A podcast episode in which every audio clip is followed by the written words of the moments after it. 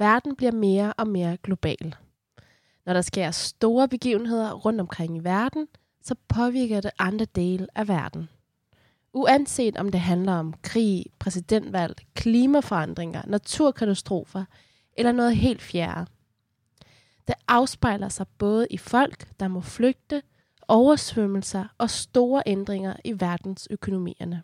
Kort sagt, så kan vi altså ikke lukke øjnene for, at lande ikke er uafhængige af hinanden.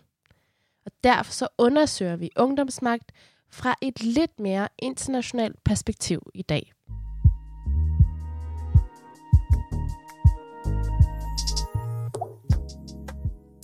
Unge har alt for lidt indflydelse i dagens samfund. I hvert fald, hvis du spørger mig.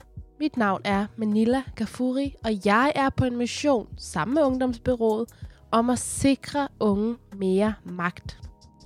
Jeg ønsker forandring, og det kræver magt. Og derfor så vil jeg undersøge magtbegrebet ud fra forskellige vinkler. Jeg vil tale med mennesker, der beskæftiger sig med magt, lige fra aktivisten, der demonstrerer i regnvejret, til den politiske elite, der afgør vores fremtid. Alt sammen for at finde ud af, hvordan vi unge kan få mere magt i samfundet.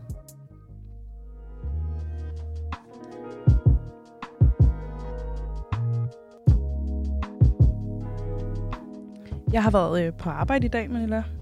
I ja. allerhøjeste grad.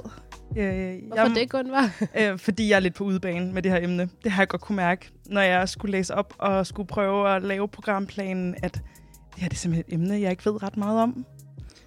Er det fordi, det slet ikke har været en del af dine øh, ungdomsår, eller gymnasieår, eller hvad, altså videreuddannelsesår? Det var faktisk noget af det, jeg tænkte på, fordi ja. nu blev FN's verdensmål blev lanceret i 2015, ja. så meget ved jeg, og jeg blev student i 2013. Så jeg gætter faktisk på, at det er fordi, det slet ikke har, har fyldt så meget, at det ikke... Det, det er ligesom, når jeg i hvert fald har været færdig med min ungdomsuddannelse, at det ligesom er blevet en, en større ting, noget man taler mm. mere om. Så jeg håber, at jeg kan lære rigtig meget i dag. Ja, og vi går jo også mere, eller håber vi jo på, at det er jo mere sådan demokratisk uh, deltagelse og, i forhold til de unge skal have mere magt, eller mere at sige, eller mere indflydelse, jo mm. håber vi, du det. Ja, Ja, om jeg, om jeg håber det? Ja, altså, eller det håber vi, det er det, det baner vejen frem til. Lige ikke? præcis, ja. ja. Men kender du noget til sådan UNESCO og unge ambassadører? Hvad, hvad tænker du, når du hører det? Øh, jeg, har, jeg har holdt oplæg for den. Jeg har i mit, i mit arbejde i forhold til også både at være forperson af politics, men også at være øh, undervisningsformidler hos 100% fremmede spørgsmålstegn. Der har vi været ude og holde oplæg omkring det, hvad det vil sige at ja, hvad det vil sige at være øhm, identitet i blandt to kulturer. Så jeg har egentlig haft et samarbejde med dem. Men det har ikke været samarbejde med de unge. Det har været samarbejde med dem, der har stået bag de arrangementer. Mm. Så det er første gang, jeg møder de unge ansigt til ansigt i dag. Uh, er du nervøs? Ja, det er jeg. Men jeg glæder mig helt vildt meget, fordi jeg ved, der sidder tre unge mennesker rundt omkring det her bord. Og det er det, det hele handler om. Ja, ja fordi det er faktisk overraskende få øh, sådan rigtig unge, vi har haft med, gymnasieelever, vi har haft med i programmet. Kan du selv huske, da du gik i gymnasiet, var du sådan aktiv i noget alle det her øh, unge ambassadører? Nej, jeg var egentlig aktiv i, øh, øh, hvad hedder det, når man er med i øh, bestyrelse? Elevrådet? Elevrådet. Det tror jeg også, det var på gymnasiet. Jeg var i hvert fald med der. Øh, vi var ikke særlig populære, fordi vi var ikke med i festudvalget eller noget som helst. Vi var jo de der nørder der. Men mm. altså, jeg synes, det var spændende. Jeg ja. ved ikke, om du har været med i noget af det? Jeg var måske med i, en, jeg var med i noget, der hed Globale Gymnasier, som jeg egentlig måske kunne være en form for forløber til ah. noget eller det her, men hvor det, jeg tror, det mest, var, det mest bare var gode idéer. Jeg følte i hvert fald aldrig rigtigt, at vi, øh, vi rigtig nåede til rigtig at afvikle på noget. Jeg kan bare huske, det blev i tale sat om, at jeg gik på et globalt gymnasium. Og, og på den måde, vi, ja. Okay. havde en dag, hvor vi var ude og lave noget omkring noget internationalt, men altså, det var ikke, fordi vi nogensinde udvekslede noget med nogen andre end vores klassekammerater. Så Ej. det har ikke været rigtig internationalt. Nej, men øh, noget af det, jeg kan huske fra gymnasiet, øh, var vi øh, i forhold til EU, øh, der, der mødte vi andre også, og hvor vi sad inde ved Christiansborg, og det var så kun os unge mennesker, der skulle så øh, komme igennem, hvordan vi ville træffe nogle beslutninger Det var meget spændende, men andet har der ikke været. Nej. Og vi har jo øh, simpelthen hele tre gæster i dag, så øh, jeg håber, at du er klar på at, at håndtere det hele og fordele taletiden imellem vores søde gæster. Ja, det glæder jeg mig til. Lad os komme i gang.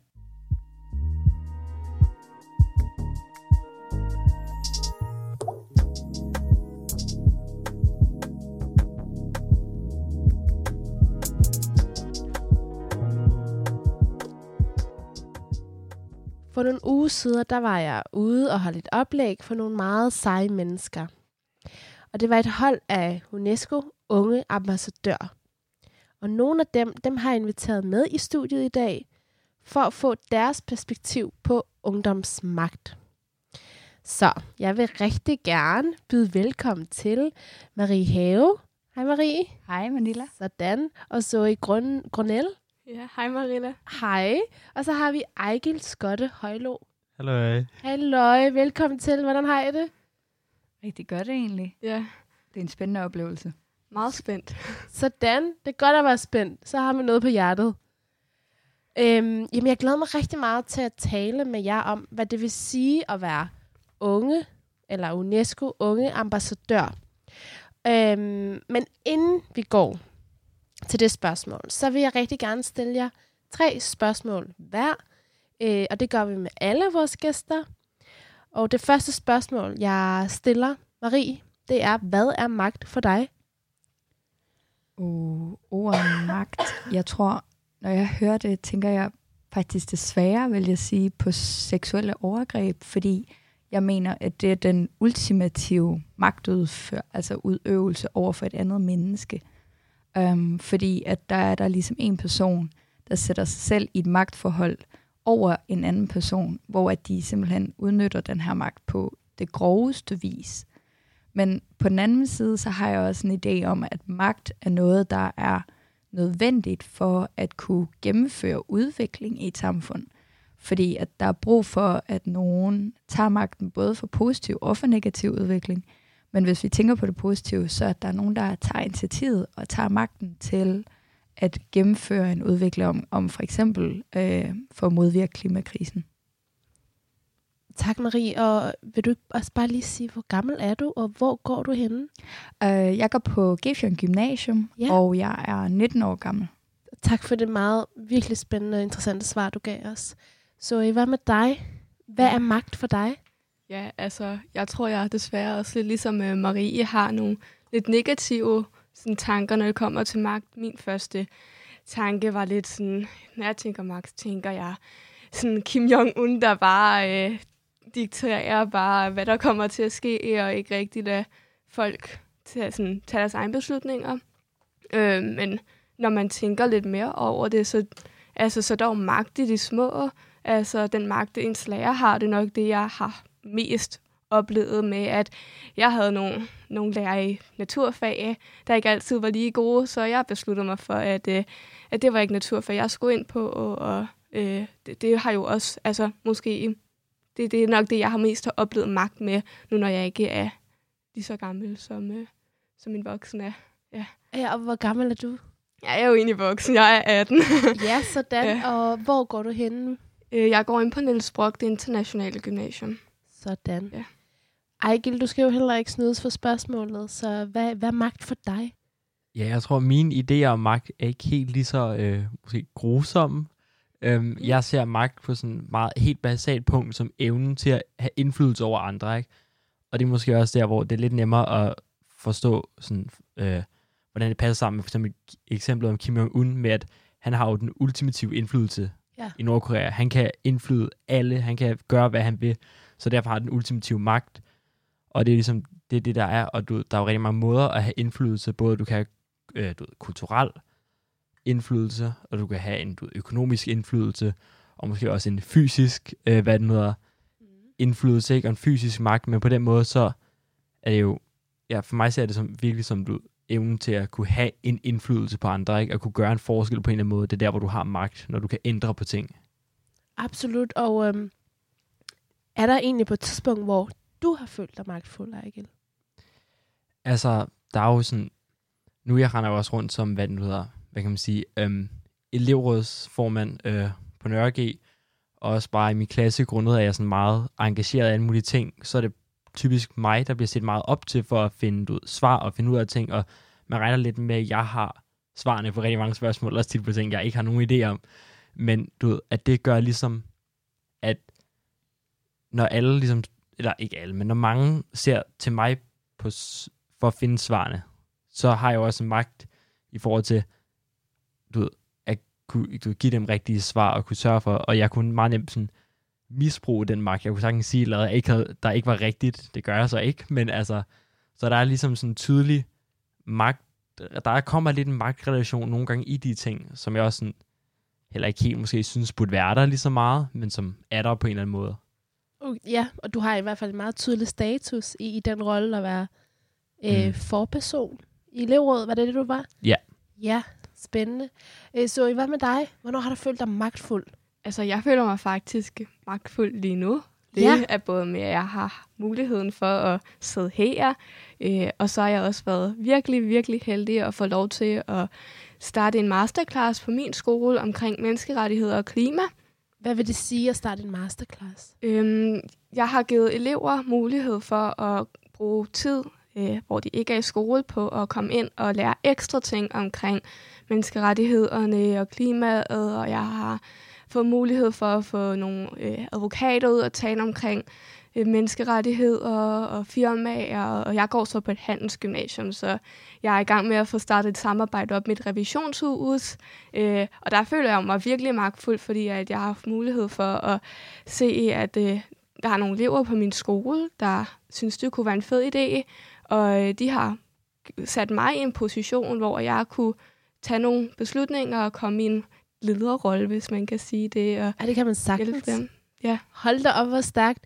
Er det, er det initiativ, øhm, altså du kom ind på, at der var nogen, der ligesom havde behov for det, men er det fordi, du besidder en anden form for status, eller er du med i nogle udvalg, der gør, at du har mulighed for det, eller hvor kom det initiativ fra?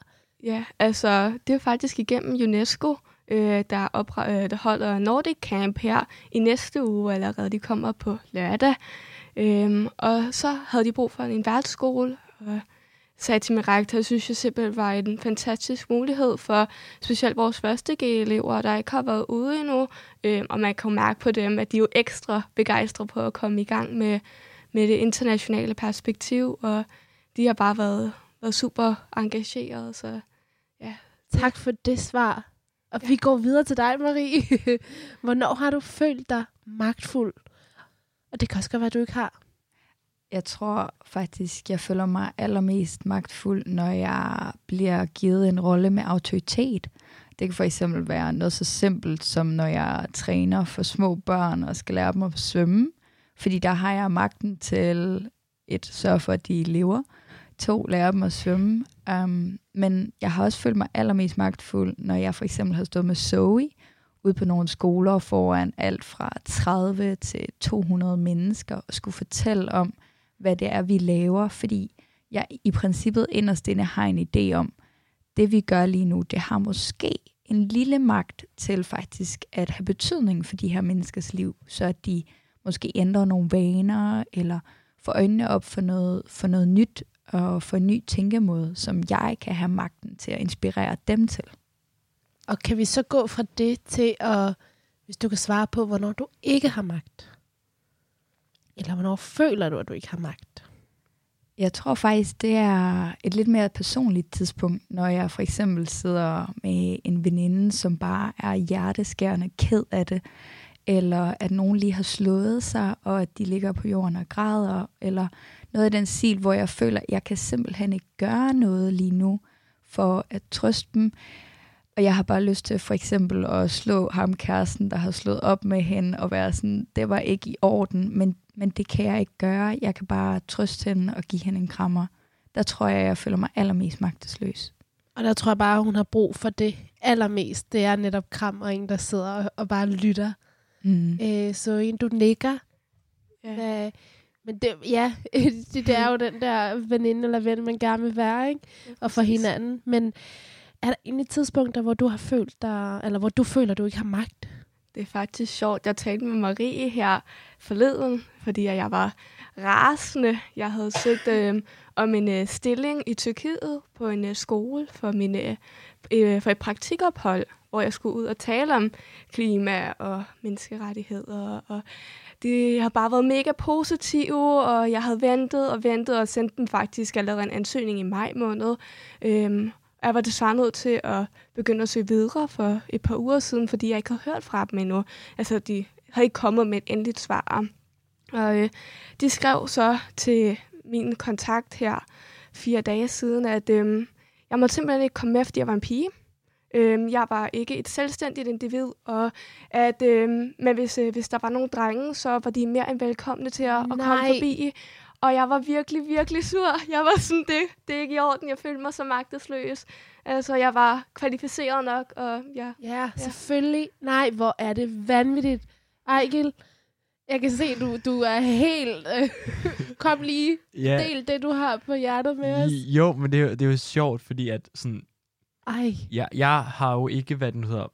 Altså, jeg har jo visse for, sådan, fordele som en hvid mand i mit samfund, og det, eller i det her samfund her, det anerkender jeg jo også, og det er jo specifikt sådan nogle... Jeg har jo aldrig haft så en oplevelse i mit liv. Altså, men, grunden til, at jeg siger ej lige nu, det er, fordi du bare sad med åben mund og var så overrasket. Det er jo alle sammen. Hold da op. Ja. ja. Hvad, hvad gør du herfra, Zoe? Altså, jeg har så været mega heldig for at komme ind til Honar, som er nationalkoordinator for UNESCO. Sådan. Og komme ind og arbejde med hende. Kæmpe så videre. girl ja, power. Sådan. øh, Stærk, Zoe. Ja, Ej, hvor er det Jeg var rimelig chokeret. Ja. Det forstår jeg virkelig godt. Ja. Ejkel, du skal heller ikke snides for det sidste spørgsmål. Hvornår føler du, at du ikke har magt? Ja, altså, der er sådan... Jeg tror... Det er sådan... Det er ikke, jeg tror også, det er mere... Det er ikke så meget i de større samfundsbilleder som sådan. Der er meget i de personlige relationer. Der er også nogle gange, så du ved, det for det kontekst, så er jeg selv biseksuel, og det gør for eksempel, når du går rundt og hører folk, der, der bruger for eksempel sådan noget, som bruger bøsse som et skændsord, og det Ja. kan du meget nemt høre, Ja. du, når du går på gymnasiet med 1200 elever, som jeg gør, så er der folk, altså du har folk, der siger det, folk, der bruger de ord, og der er der på en eller anden måde sådan, du der er lidt sådan en historisk forståelse af magtrelationen der, og som også, du det påvirker også mig, fordi at det er svært at sige igen, for sådan noget, når du oplevede det hele liv, også for, da jeg var yngre, og ligesom først fandt ud af alt det med min seksualitet og sådan noget, der påvirkede det mig lidt mere, fordi jeg var så ny til det hele, ikke?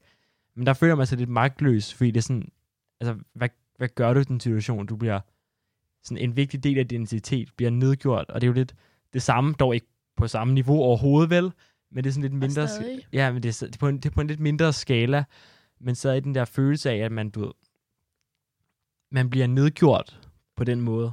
Det Ja. har jo, det har en effekt på, ligesom, du ved, hvordan man føler sig selv, og derfor bliver det også en magtrelation, hvor man er, du ved, man er den nederste i hierarkiet i den her magtrelation, ikke? Og føler, føler derfor, at man har mindre magt. Og, og tusind tak for at dele det med os. Ja, Øh, det, det, så er lidt. kæmpe berigelse, øh, at, at du gør det. Øh, så respekt for det. Og, Tak. og hvor er I, altså, har I været til interviews før, og er det, er det første gang? Nej, jeg har ikke været til nogen før. Allerførste gang, ja. Aller første gang. Tak for, at I er med i studiet. Øh, Jeg glæder mig simpelthen så meget til at dykke videre ned i det her.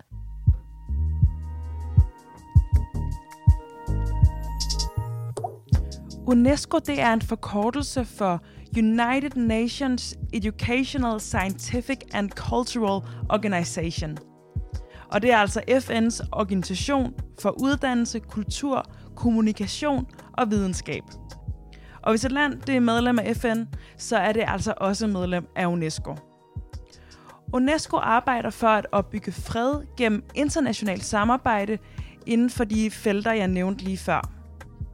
En del af UNESCO's program, som især har fyldt meget de seneste par år, det er at bidrage til at opnå FN's verdensmål.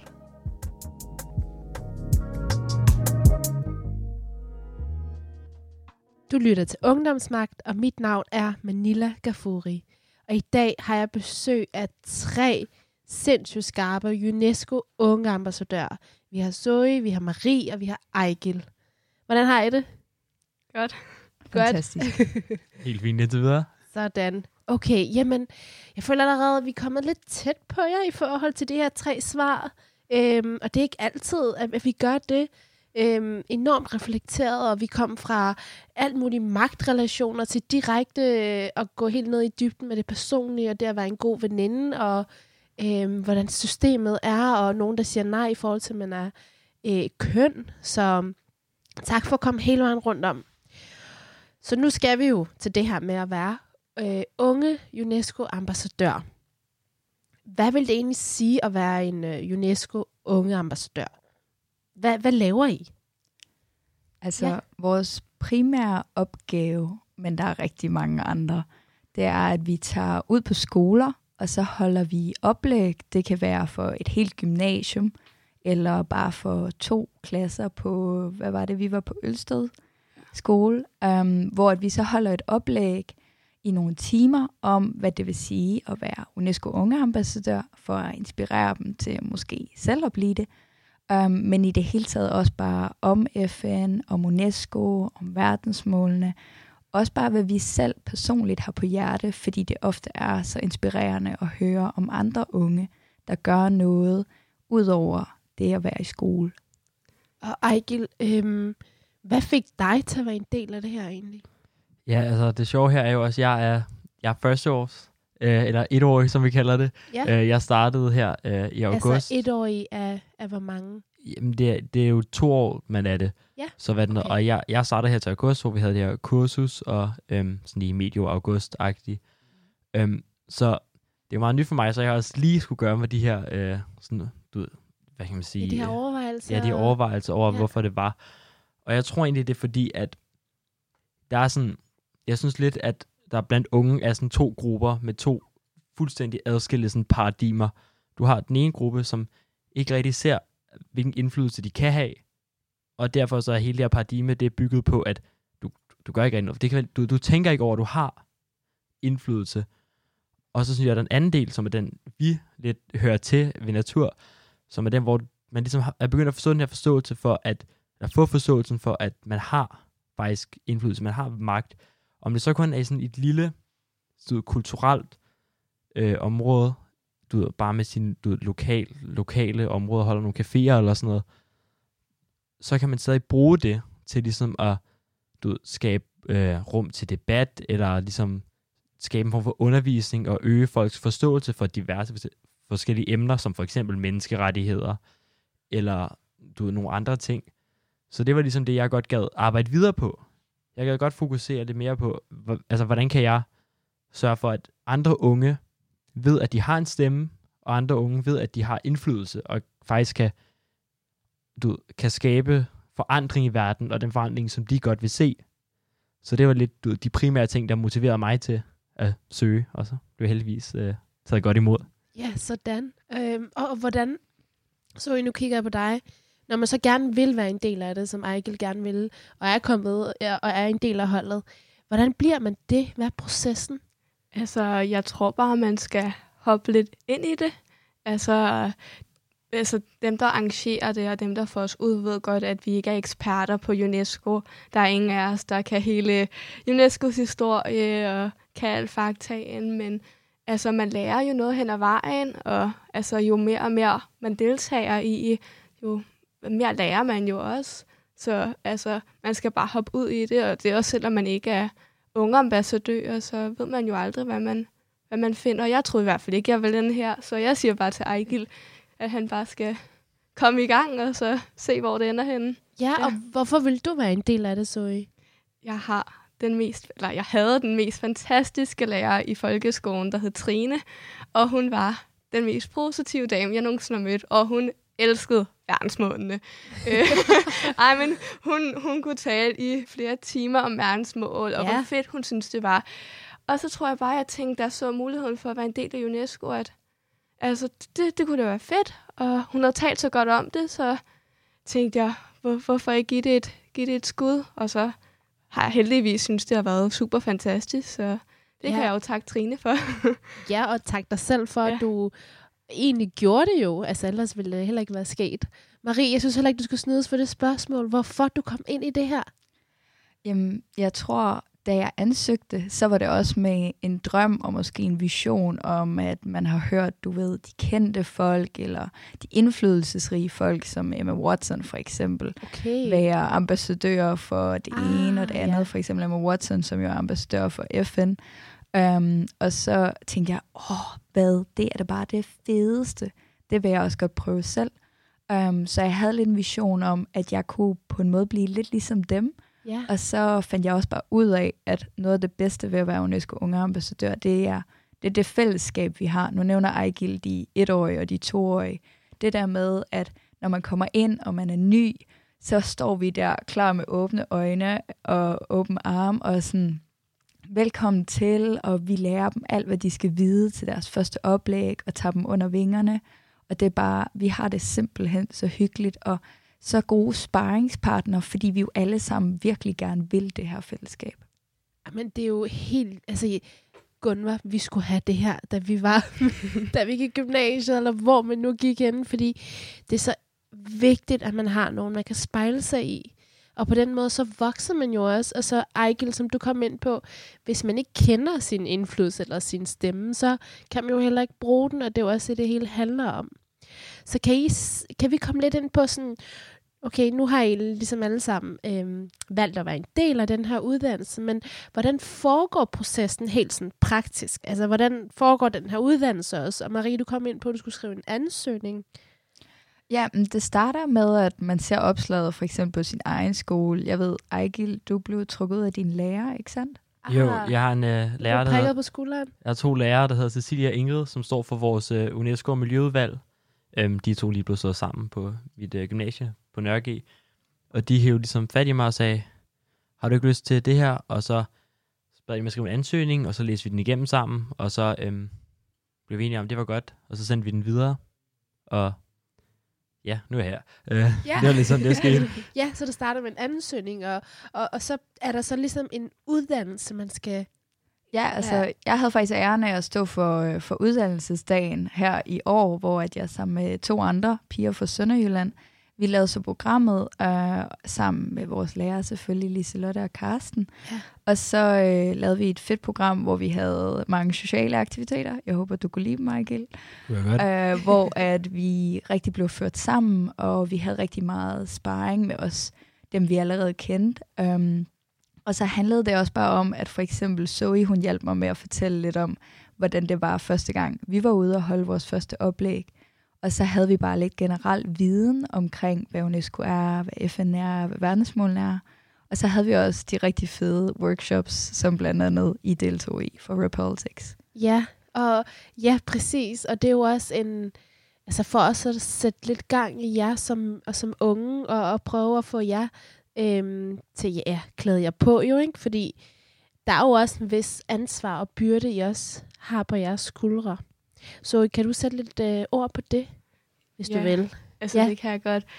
Jeg tror, at altså, jeg er selv rimelig nervøs anlagt, så jeg kan godt mærke, at når jeg kommer ud, så bliver man sådan helt sådan, puha, og jeg skal ud på Christianshavn Gymnasium og holdt et kæmpe oplæg, og jeg har aldrig holdt et oplæg, der var så stort. Jeg tror, Er det var, dit første oplæg? Ah, det, jeg tror, det var mit tredje eller Ja. sådan noget, men vi plejer, apropos uddannelse, at komme ud med folk, der har holdt oplæg før, fordi ellers er det rigtig, rigtig meget at stå for første gang.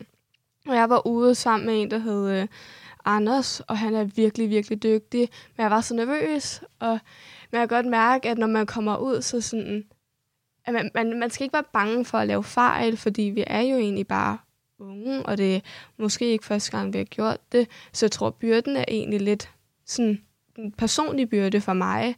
Øhm, men der kan jeg godt mærke, at det sammenhold, man har med, med de andre ambassadører, virkelig har hjulpet mig med at sådan, sådan lette byrden på mine skuldre.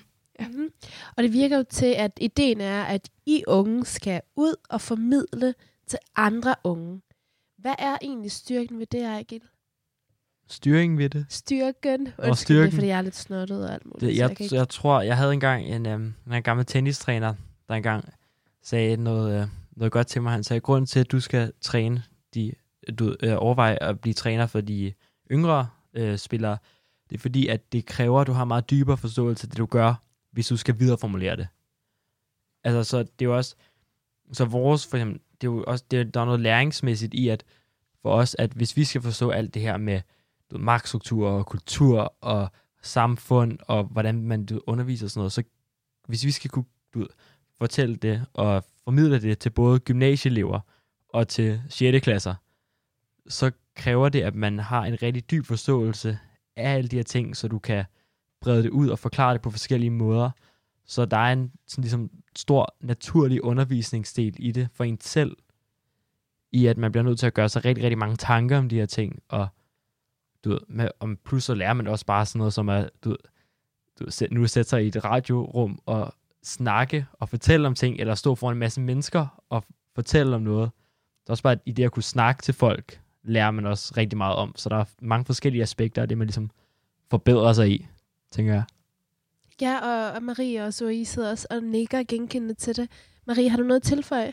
Altså, jeg tænker også, at den, en af de vigtige styrker i det er også, at vi er jo naturlige spejlingspartnere, når vi står deroppe.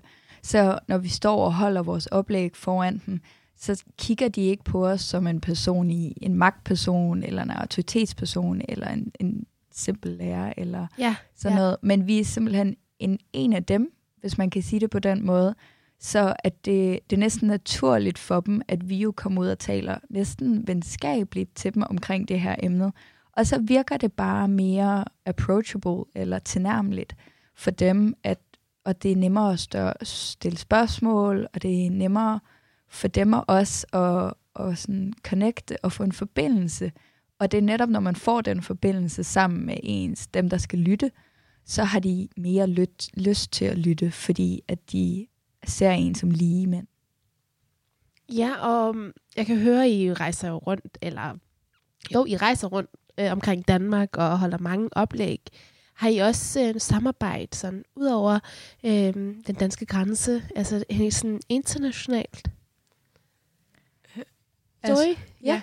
altså, jeg tror ikke, vi arbejder vildt internationalt endnu, men jeg tror også, hvis du spørger både Carsten og Liselotte, som står for det her, der, de kan nok sige, at vi faktisk har noget meget mere, end hvad de havde regnet. Det er jo vores tredje år med unge ambassadører, og altså, vi troede, og de troede, at man egentlig bare skulle holde oplæg på skoler, men altså, og Marie har været ude og holde tale på, øh, til børnedistortion. Jeg har haft mulighed for at komme ind på Christiansborg. Øh, vi har været til paneldebatter med øh, borgmestre og ministerier. Så sådan, det kan godt være, at vi ikke er internationale, eller så internationale endnu. Men det tror jeg helt klart kommer til at, at ske om ikke alt for mange år.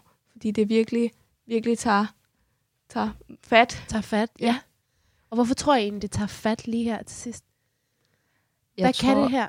Jeg tror faktisk, det er, fordi det er for rigtig mange regeringsledere, så kan de godt se, hvad det hedder, vigtigheden af, at det er unge, som også skal repræsentere unge, sjovt nok. Um, fordi at vi repræsenterer en vis del af befolkningen, som vi også altid plejer at sige uh, her i ungeambassadørteamet, så er vi jo 30 procent af befolkningen, men vi er Ja. 100 procent af fremtiden. Og det er Sådan. virkelig det, der motiverer os, fordi vi ved, at hvis vi kommer ud og rører flere og flere unge, så kan vi skabe den fremtid, som vi alle sammen går og drømmer om. Og det er jo vigtigt, så selvfølgelig er der mange andre lande, der vil tage lære af det. Prøv at høre, kære venner. Det, her, det er lige præcis det, ungdomsmagt handler om. Unge, der tager styring. Unge, der tager dagsordenen. Så tusind tak for det ansvar, I tager på jer. Så lidt.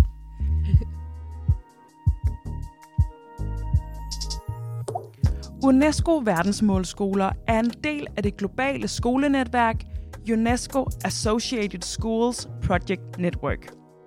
Det består af 11.500 skoler og uddannelsesinstitutioner i 182 lande. I Danmark der er der 80 uddannelsesinstitutioner i netværket, og det tæller både grundskoler, efterskoler, gymnasier, erhvervsskoler og flere. Alle skolerne i netværket er forpligtet til at arbejde med globalt medborgerskab og bæredygtig udvikling. Og det er altså et krav, at man går på en verdensmålskole for at blive UNESCO Unge Ambassadør.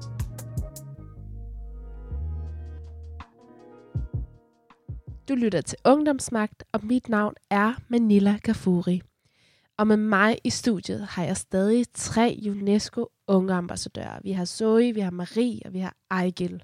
Okay, jamen øhm, nu kommer vi jo lidt ind på, hvad det her med at være øh, unge ambassadør for UNESCO, hvad, hvad, hvordan det kan have nogle styrker og fordele. Og, øhm, og jeg jo, det lyder jo til, at vi skal egentlig råde flere til at søge, ikke også? Eller hvad? Uden tvivl. Ja, og, og, og lige sådan et godt råd til dem. Hvad kunne det være? Jamen, jeg synes bare, I skal gøre det dreng eller pige, hvad end, hvilket sprog I taler. Vi øh, sidste år, der talte vi om, ah, at man skal folk fra erhvervsskoler have lov til at ansøge, selvom det er så svært at få det til at passe. Ja, selvfølgelig skal de det.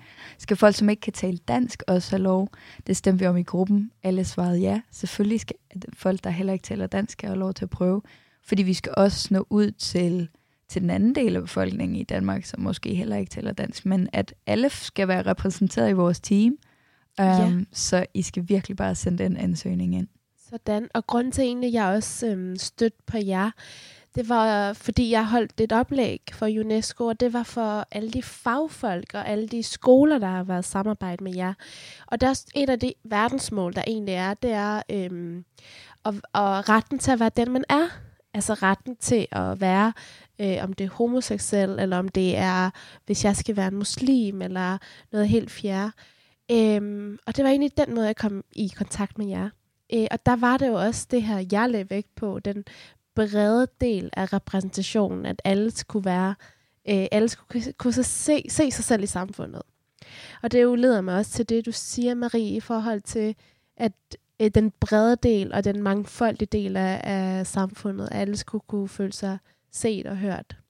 Og den afstemning, du snakker om, er det noget, der ligesom bliver ført ud i livet? Altså ja, da vi, øh, da vi skrev vores ans eller da vi skrev vores pamfletter til folk og sendte dem ud til alle skolerne, så stod der, at øh, vi havde for første gang øh, i siden at UNESCO Unge Ambassadør-teamet blev startet, så lavede vi den både på dansk og på engelsk, sådan at de internationale skoler, såsom Ejgils skole Nørregade, også kunne få de internationale Okay. pamfletter op at hænge. Um, men uh, indtil videre, så har vi ikke nogen i teamet, der taler engelsk, eller kun engelsk. Um, så øh, hvis der sidder nogen derude, Ja, så øh, nu siger jeg det selvfølgelig på dansk, men prik jeres veninde, hvis hun har lov, eller jeres ven, uanset hvad. Sådan. Okay, øhm, jeg håber, I vil være med mig lidt endnu, fordi nu bevæger vi os lidt ud over det her rum, og lidt mere sådan abstrakt i forhold til, hvad, øh, hvilke øh, verden eller samfund I drømmer om. Øhm, så Zoe, Ja. hvilket samfund drømmer du om? Altså, jeg tror, jeg drømmer om et samfund, hvor alle er lige. Øh, alle kan have den øh, seksualitet, eller have lov til at have den religion, som de, de har. Jeg synes desværre, at vi stadigvæk har et samfund, hvor at man ikke er helt accepteret, og selvom at, at vi siger det, og det håber jeg også, at mit arbejde og den måde, jeg opfører mig på som privatperson, kommer til at, at, at hjælpe med. Men øh, det vil helt klart være drømmeverdenen, at alle bare kunne have lige mulighed. Ja, og Ejgil, er der nogle mærkesager, du virkelig sådan hungrer efter? Ja, altså jeg er meget øhm, sådan, jeg kan meget godt lide at kigge på de her sådan, socioøkonomiske strukturer, vi har, fordi der er rigtig meget, og der er rigtig meget, vi har et samfund, hvor at, lidt, at hvis du har penge, så har du magt, og hvis du ikke har penge, så har du ikke magt. Ja. Og der er alle de her strukturer, og jeg, det er også de strukturer, som jeg i hvert fald af, hvad jeg kan se, du ved, at det er givet på, er også dem, der ligesom understøtter og ligger fundamentet til mange af de andre magtstrukturer, vi ser i forhold til med, du ved, med sexisme, og med, hvad det nu det hedder, også med racisme, fordi det har jo været naturligt, at kvinder ikke kunne have arbejde, og så, ja, så fik de lov at arbejde, så fik de mindre løn. Så det er altid, så er altid hele det der, der har de altså haft mindre økonomisk magt, og derfor mindre socioøkonomisk magt. Og det, jeg tror ligesom, det der så for, at vi står i den situation, vi er i dag, hvor der faktisk stadig er lidt, der, der er jo mindre sådan, magt til kvinder, også økonomisk, fordi at det, det tager tid at ligesom vende de her ting. Så jeg er meget interesseret i de her, sådan, jeg tager også både global politik og, øh, hvad den hedder, økonomi på den IB, jeg tager på Nørre G, så jeg er meget interesseret i, hvordan de to ting hænger sammen, og hvordan de ligesom, øh, ligesom skaber den verden, vi har, og hvordan det også kan bruges til at forandre det til, et, et lidt mere lige samfund. Også. Ja, og i forhold til det her mere lige samfund, tænker du det at være unge ambassadør for UNESCO, kan bidrage det til det? Ja, fordi at selvom vi arbejder på en meget lokal plan, ikke? det er, at du, et gymnasie er jo heller ikke så meget i det større billede. Så ser det lidt, lidt ligesom, hvis du kaster du en sten i en sø. Ikke? Du har alle de her små bølger, alle de her ripples her, der bevæger sig ud. Og det er det samme, fordi at for eksempel holdt jeg øhm, her lige efter sommerferien sluttet, og jeg har været i gang med planlægge der siden øh, sidste skoleår, så en Pride Café på et sted, der hedder Energicenter Voldparken, så Ja. sådan en øh, kulturcafé, børnehave, hele muligheden. Det er en gammel folkeskole, der blev lukket, og så de lavet det helt om. Og jeg lavede ligesom mærke til, at der var rigtig mange bagefter, der sad og debatteret os og snakket lidt om, hvad de har hørt, for vi havde nogle forskellige, vi havde Nina Rask, som er en meget kendt øh, radiopersonlighed også, og øh, en gut og hans mand, som var med til at starte Bøssernes Befrielsesfront, tilbage da, da den startede for, nu kan jeg ikke huske, 60'erne, 70'erne eller sådan noget, det er rigtig lang tid siden. Og du, så kunne de sidde og snakke om de her forskellige perspektiver, og endda hed min mormor med, som også lærte noget nyt. Øhm, men du ved, så kan, har de ligesom muligheden for at diskutere de her ting og snakke om de her ting, og så sætter de idéer sig ligesom fast, og så, ud, så kommer de videre. De, alle de her personer, der kommer fra forskellige steder i verden, så på den måde kommer de idéer, man snakker om, til at brede sig ud.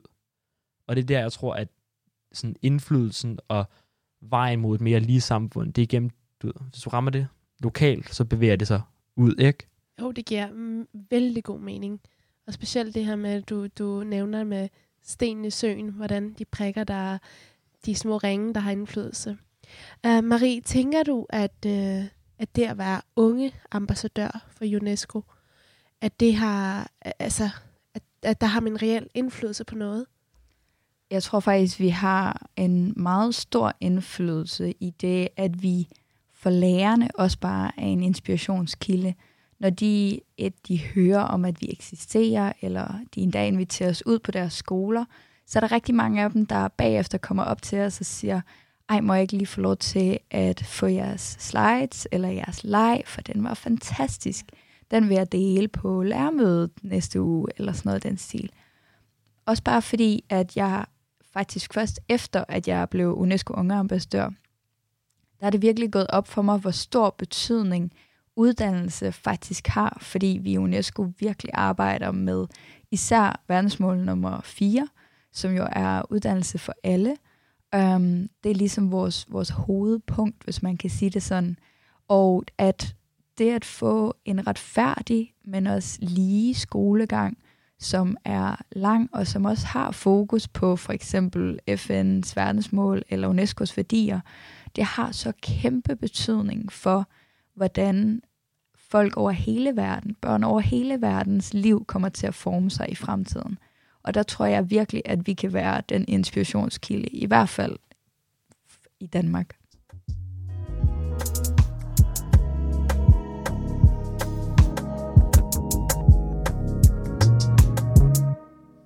Du lytter til Ungdomsmagt, og mit navn er Manila Gafuri. Og jeg har stadig besøg af tre fantastiske unge ambassadører. Zoe. Ja.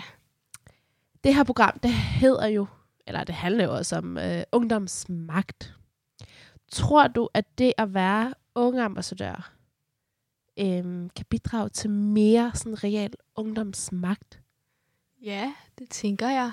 Altså, jeg tror, når man ser, at andre unge gør noget, så kan man måske også få følelsen af, at okay, hvis hun eller han kan gøre det, eller det midt imellem, øh, så kan jeg også. Øhm, og det synes jeg faktisk er rigtig vigtigt, fordi at nogle gange så at det kan det godt virke lidt uoverskueligt. Altså, da jeg startede med verdensmålene, så tænkte jeg kun på verdensmål. Og jeg hørte et sted, at man ikke skal tænke på øh, verdensmål, men øh, hverdagsmål. Ah, Øh, og det synes jeg bare var mega fedt. Og øh, jeg føler, at når jeg kommer ud og, og taler, så kan man se, okay, når man altså sådan, hun får det til at virke lidt mere realistisk og have en indflydelse. Og når jeg fortæller om de ting, jeg gør, og de folk, jeg møder, så kan man kan jeg godt mærke, at andre unge tænker, okay, måske kan jeg også godt selv øh, bidrage med, med lidt mere, eller starte et udvalg. Og nogle gange er det bare det der med at få, få foden ind ad døren, og så når man først er inde, så, så kan man se, at tingene faktisk ikke er så svage, som man selv lige har troet. Ja. Ja, Ejgil, og du startede med det her med at sige, at for at kunne få indflydelse, skal man jo selv finde frem til sin egen stemme. Jeg kunne lige godt tænke mig, hvis, hvis du kan, og hvordan kan man egentlig finde den stemme? Det er et enormt spørgsmål, det ved jeg godt.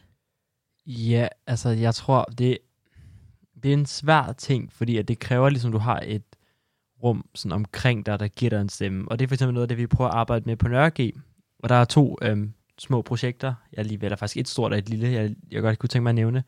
Sammen med den anden øh, forperson, øh, Safa hedder hun, fra elevrådet på Nørre Og øhm, resten af elevrådet, der har vi ligesom i gang med at lave sådan en kulturdag, som er ment til at være øhm, sådan en dag, der bliver brugt på, hvor at, på at ligesom se på forskellige kulturer, og fordi vi er et meget kulturelt bredt, fordi vi både har en IB-linje, som er international, og du ved, det ligger i Brøndshøj med Gladsaxe, Tingbjerg, Nordvest tæt på, ikke? Så også rigtig meget mellemøstlig baggrund på øh, vores gymnasie. Og ligesom prøve at se, hvordan kan vi også få nogle forskellige elever til måske at holde nogle oplæg, eller du ved, få dem til at gøre, til at ligesom indse, at de også lige kan få lov at sige noget, ikke? Og så havde vi også, det er lige her forleden dag, det var i sidste uge, havde vi en gruppe lærere, måske 8-10 lærere fra Singapore, forbi på min skole. Og der var det mig og en pige, der hedder Celine, Øhm, og vi sad der og snakkede med dem i godt stykke tid om, hvordan de kan få de unge på deres øhm, respektive skoler til ligesom at, som der var en af dem, der kommenterede på, at det virker som om, vi designer vores egen skolegang. Du ved, hvad vi vil gøre med vores skolegang, hvad vi vil gøre med os på en eller anden måde, med hvordan vi kan få dem til det. Og det er for eksempel sådan noget med først lige at sige til dem, du ved, gør det tydeligt, at der er en stemme, og det kræver også for en selv jeg tror, det er svært, når man ikke selv ved det. Nu, der er rigtig mange tanker i mit hoved lige nu. Men når du ikke selv ved, at du har indflydelse, så kan det også være rigtig svært at finde den. Ja. Så jeg tror ikke så meget, det handler om, at man skal folk, at folk selv skal finde deres stemme, men det handler, eller det skal det jo, men det handler om at give folk mulighederne for at finde deres stemme. Og det er noget af det, jeg arbejder rigtig meget på, det er at give mine venner og de andre på mit gymnasie og de andre i mit lokalmiljø muligheden for at finde deres stemme. For jeg tror også, det kræver lidt hjælp udefra til at forstå, at du har den her indflydelse, og du har den her, igen, du, jeg sammenligner indflydelse med magt, ikke? Du har jo. magten til at forandre, du har magten til at gøre, hvad du føler er rigtigt. Så jeg tror, det er et, det kræver rigtig meget arbejde øhm, udefra, og jeg tror også, der er bare nogle personer, der aldrig vil komme til at engagere sig med det. Men jeg tror også, der er rigtig mange, hvis de, ligesom, hvis de sidder i dem forvejen, så så snart de får den her bid af, en idé om, at de har magten, eller har indflydelsen, så kommer de til at, så bider de fast, ikke? og så kommer de til at arbejde med det derfra. Sådan, Ejgil, tak. Øhm, øh, mange øh, løse tanker, siger rigtig du, men mange. det fik du formået at, at, at få i talesat rigtig godt. Jeg forstår i hvert fald, hvad du mener. Det er jeg glad for. og det tror jeg også andre her rundt omkring bordet gør. Marie, har du lige sidste kommentar?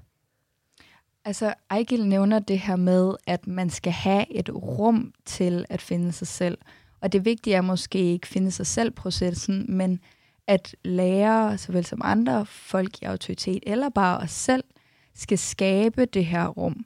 Og der kan jeg i hvert fald huske to eksempler fra mit eget liv, og at øh, jeg gik på en øh, UNESCO verdensmåls efterskole, hvor at den allerførste dag, hvor alle sidder super spændte i den der sal der, med 400 elever, der bare er klar til at lytte, der siger han, at det er jer, der er med til at forme jeres efterskoleår og dermed jeres liv. Og siden da, så blev det bare, at hvis man havde lyst til at lave et projekt, eller man havde lyst til at lave et udvalg, eller et nyt fag, sågar en ny rejse.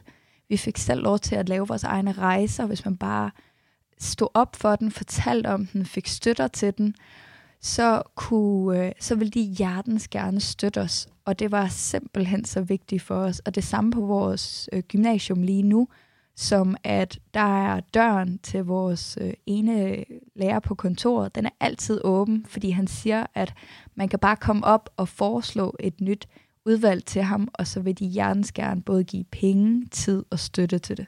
Det synes jeg er simpelthen så vigtigt. Absolut. Prøv at høre, kære unge ambassadør. Vi når ikke mere for i dag. Tusind tak for, at I bruger jeres stemme og indflydelse på at bane vejen for jer og andre unge her i samfundet. Tusind tak, fordi vi måtte komme. ja, ja det, vil, det vil jeg også gerne sige. Det, det var super fedt. Fedt.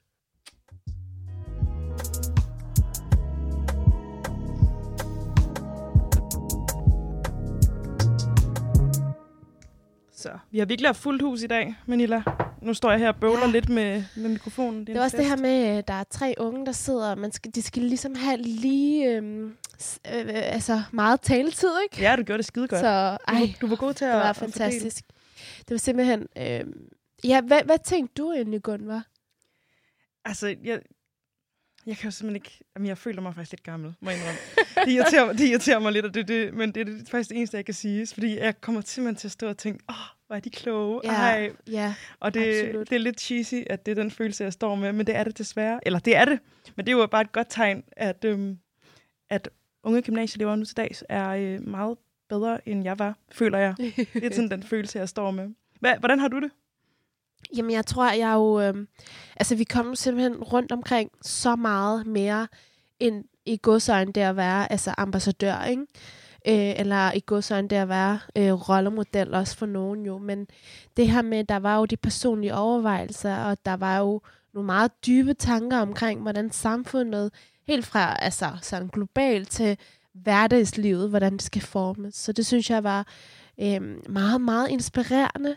Og det håber jeg også, der er mange andre, der, der lytter det her og får lidt mod på livet. Mm. Som du også sagde, så tænker jeg, at det var sådan noget her, som ja, jeg nemlig også godt kunne have savnet, da, da jeg gik i gymnasiet.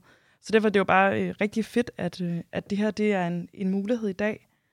Ja, og det er sejt at være det. Altså, det er enormt fedt, at I er unge ambassadører, at I bruger tiden på det her, fordi øhm, altså det der med at være en del af elevrådsformanden, eller øh, elevrådet dengang på mit gymnasie, det var ikke så sejt. Altså, det et fag, altså festudvalget, det var de seje, ikke? Så der var sådan en virkelig klar sådan, skildring af, hvad der var fedt at lave, og der var ikke var fedt at lave. Øh, og jeg håber lidt, at man har sådan øh, løst lidt det tråde der, for det er jo enormt vigtigt, at, øh, at de har hele deres gymnasie bag sig, og alle dem, der, og rigtig mange, der ser op til de her mennesker, hvilket jeg godt forstå. Mm. Det gør jeg i hvert fald også lidt, vil jeg sige. Ja, det gør godt nok også øh, enormt øh, gode øh, tanker og erfaringer med, de har. Og jeg vil sige, kæmpe styrke, det også giver dem senere hen i livet.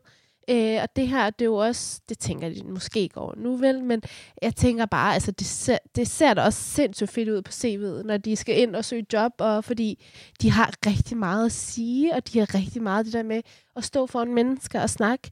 Og det gør jeg jo selv, og det kræver enormt meget, og det tænker jeg også sådan, som ung, altså 17-18-årig, og jeg er jo endda 29, så, og jeg har prøvet en del, og det er stadig helt vildt grænseoverskridende. Mm. Ja, det er sikkert en rigtig god start, og måske også, hvis man en dag vil være noget inden for FN, at øh, så tænker jeg også, at det er en god mulighed. Ja, og også sådan en altså, reel magt og indflydelse på at forme sin egen skolegang, og ja, enormt fedt.